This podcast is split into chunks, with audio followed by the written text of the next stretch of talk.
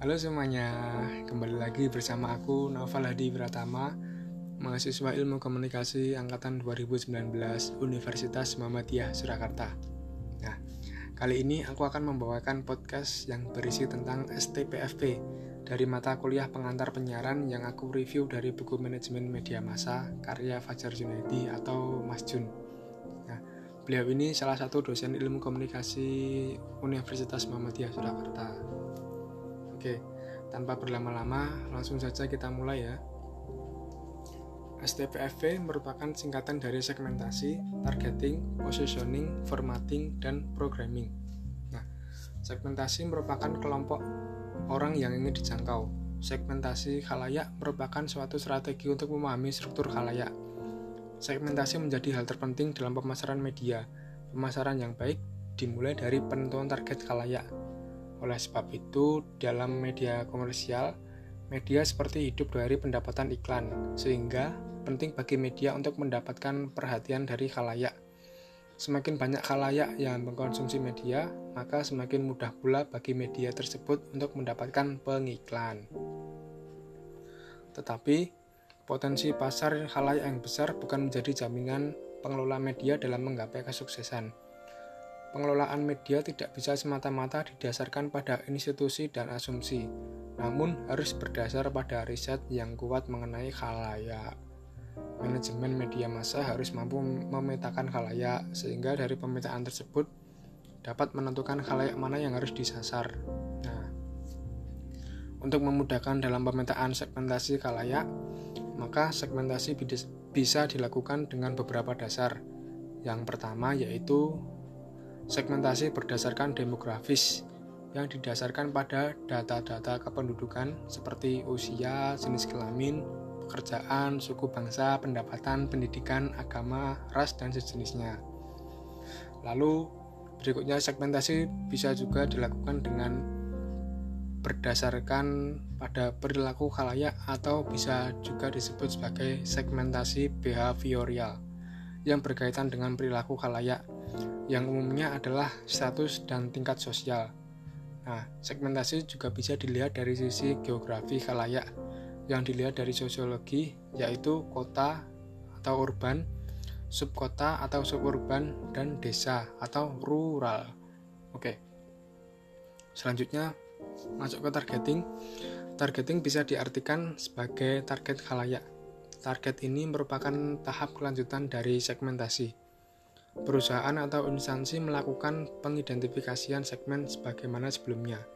Lalu setelah identifikasi dilakukan, perusahaan melakukan kajian atas segmen tersebut dan kemudian dipilih menjadi sasaran. Nah, sasaran inilah yang disebut sebagai targeting. Kalau bahasa gampangnya sih, targeting yaitu persoalan bagaimana memilih, menyeleksi, dan menjangkau khalayak yang akan dituju.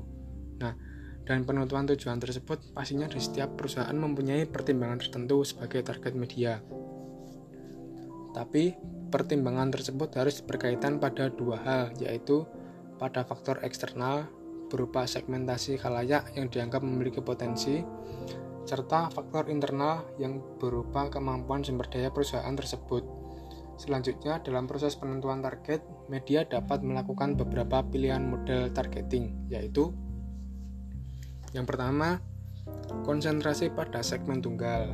Nah, yang kedua, spesialisasi secara selektif, yaitu proses targeting yang dilakukan perusahaan dengan menyeleksi beberapa segmen. Selanjutnya, yang ketiga, spesialisasi produk. Ya, spesialisasi produk ini memfokuskan pada produk tertentu yang sifatnya khusus.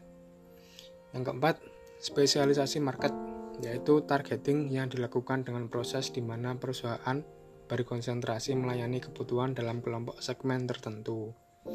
Selanjutnya yang kelima ya, jangkauan semua pasar. Ya, jangkauan semua pasar ini targetingnya dilakukan dengan berusaha menjangkau semua segmentasi yang ada.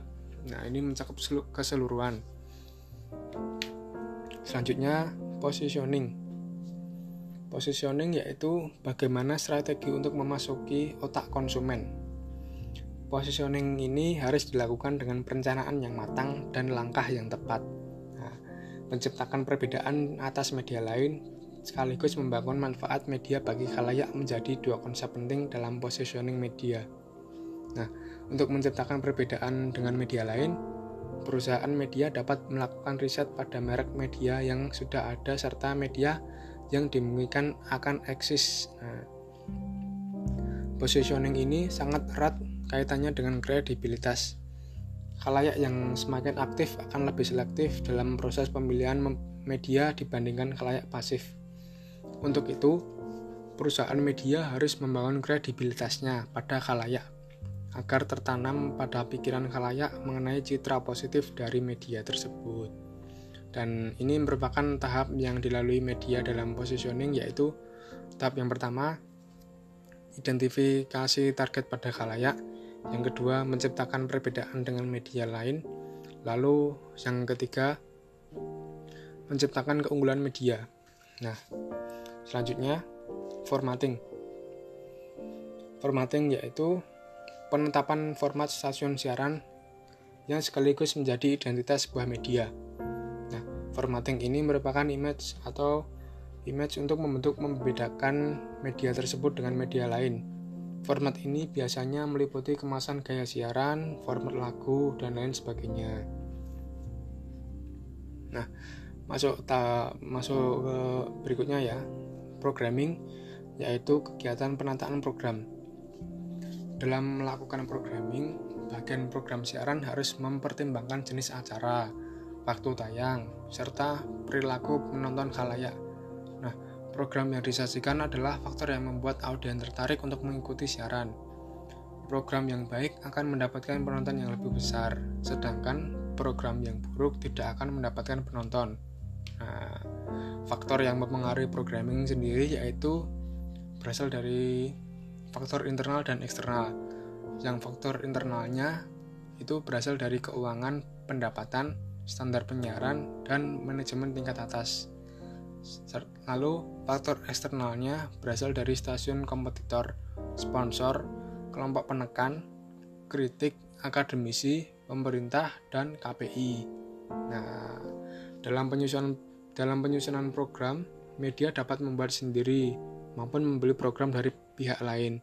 Pemasangan program dalam programming diarahkan agar mampu menjangkau audiens yang besar, sehingga pengiklan tertarik untuk memasang iklan. Namun, dalam beberapa kasus terjadi program yang gagal. Faktor gagalnya program tersebut disebabkan oleh beberapa alasan, antara lain rating yang tidak memuaskan, program bisa hilang menguap, terus perubahan sosial, dan bisa juga disebabkan oleh waktu yang waktu tayang yang tidak tepat. Nah, berikut tadi penjabaran singkat mengenai, mengenai STPFV segmentasi, targeting, positioning, formatting, dan programming. Nah, kita ulas sedikit ya tadi, sekedar mengingat aja, segmentasi itu merupakan kelompok yang ingin dijangkau.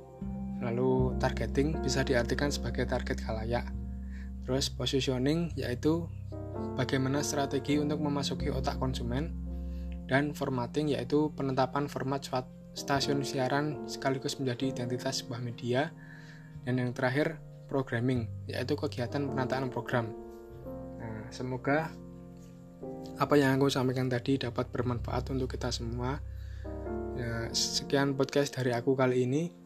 Nah, terima kasih telah mendengarkan dan sampai jumpa kembali di lain waktu. Terima kasih.